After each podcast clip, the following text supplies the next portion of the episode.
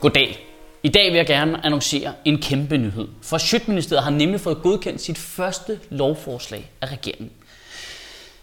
Eller, eller det har vi ikke helt, men regeringen har fremlagt sit nye integrationsudspil, som går ud på at give flygtninge uddannelse og arbejde og lade dem bidrage positivt til samfundet, nøjagtigt som jeg foreslog ved det her bord i sommer.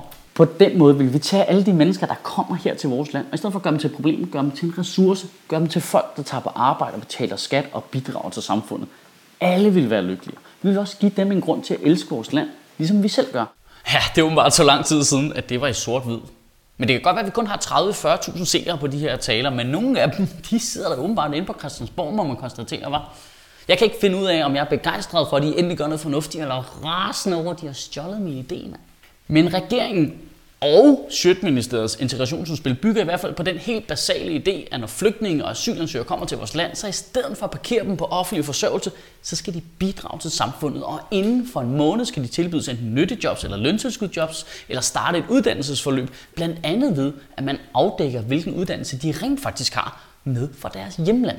Det er jo fuldstændig sindssygt, at vi ikke har gjort det her noget før. Vi har bare været pisse ligeglade. Prøv at tænke hvor mange ingeniører og læger, der har været tvunget til at køre taxa, fordi vi bare har været sådan, nej, det, det, er et andet land, de har taget uddannelsen i, så, så tæller det ikke. Jamen, det kan godt være, at araberne de opfandt matematik og medicin, men fik de uanede mængder af SU imens? Nej. Om det så rent faktisk lykkedes at føre det her integrationsudspil ud i livet, det er en helt anden ting, for den her regering er jo notorisk kendt for at ikke kunne stikke en pind i en lort, uden at lortens mand bliver beskyldt for at være homo, og pinden løber for alle sine valgløfter. Men helt basically er der vel ingen mennesker, der kan være uenige i, at det er en god idé at få indvandrere i arbejde. Hvad? Er du sikker på det? Og det er ikke noget, du har læst på Kokkeposten. Du ved godt, det er falske nyheder også. Jamen, jeg siger det ikke, hvis det ikke er rigtigt. Hvis det er sådan en april snart, lavet af folk, hvis kalender ikke fungerer ordentligt. Sikker? Nå, ja, men det viser sig simpelthen, at det er Dansk Folkeparti imod. Så de er åbenbart for, at flygtninge og asylansøgere er på overførselsindkomst, ligesom deres vælgere. Jeg ved det ikke. De kører i hvert fald den her Facebook-kampagne i disse dage. Velkommen til Asylstrup. Helle Thorning vil give 128 millioner kroner ekstra af dine skattekroner til asylansøgere i 2015. Endnu en gang ikke en rød reje til danskerne. Altså, for det første, statsminister Helle thorning Schmidt. Bare fordi det er en kvinde, så kan du ikke lade være med at respektere hendes titel. For det andet, det er et integrationsudspil. Jeg tror, at de fleste danskere vil gå amok, hvis der var afsat penge til dem i et integrationsudspil. Jeg kan ikke afvise, at det kunne være en super fin idé lige at få Falster og Sønderland integreret i landet igen, men de fleste borgere vil nok blive okay provokeret, hvis de fandt ud af, at de pludselig hørte under integrationsministeren og ikke indrigsministeren.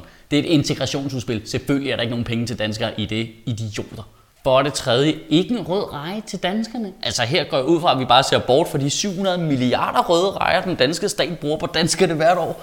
De er så syder, de får det til at lyde som om, der er sådan nogle asylansøgere, der har fået 128 millioner kroner at købe slik for, mens vi andre bare skal sidde og spise vores broccoli. Hvor der blevet sat penge af til at få dem i arbejde. Du kan være uenig med tusind ting med det her forslag.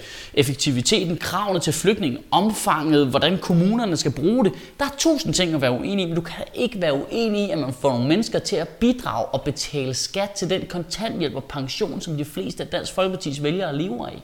Jeg bliver simpelthen helt i tvivl om, om Dansk Folkeparti overhovedet har hørt forslaget færdigt, eller om de bare nåede til ordet asylansøger, så refleksreagerede de bare, det er vi imod!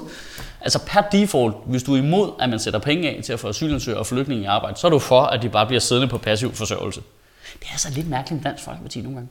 De påstår at kæmpe så meget for Danmark og sætte Danmark først, men det ville jo være totalt skadeligt for vores økonomi, hvis vi bare har 30.000 flygtninge siddende på offentlig forsørgelse. Og jeg ved godt, at deres idé er, at de ikke skal integreres i samfundet, for så kan vi sende flygtningene hjem igen, når der bliver fred i Syrien. Men altså, come on. Fred i Syrien. Du kan godt selv høre det, ikke? Det er ligesom at sige varm is eller begavet P3-program. Det findes ikke. Det kan selvfølgelig også være, at Dansk Folkeparti de har luret, at hvis vi ikke giver flygtninge et arbejde, så bliver de ikke velfungerende samfundsborgere, så bliver de ikke integreret, så bliver de et problem i længden, og så kan Dansk Folkeparti blive ved med at sige, ha, hvad sagde vi? Vi skulle aldrig have lukket ind indvandrere, sucker balls. Men det er selvfølgelig bare en lille konspirationsteori. I ugen, der kommer, der kan du til gengæld lige sætte dig ned og tænke over, hvem synes du egentlig skader Danmark mest? Flygtningen, der kommer til vores land med et håb om et bedre liv, eller dem, der nægter at give dem muligheden? Kan du have en rigtig god uge, og Gud bevare min bar. Har du set, at Dansk Folkeparti har altså faktisk kun lige omkring øh, 30.000 followers på Facebook? Ja, det er lidt vildt, ikke? De har altså 25 procent af stemmerne i landet.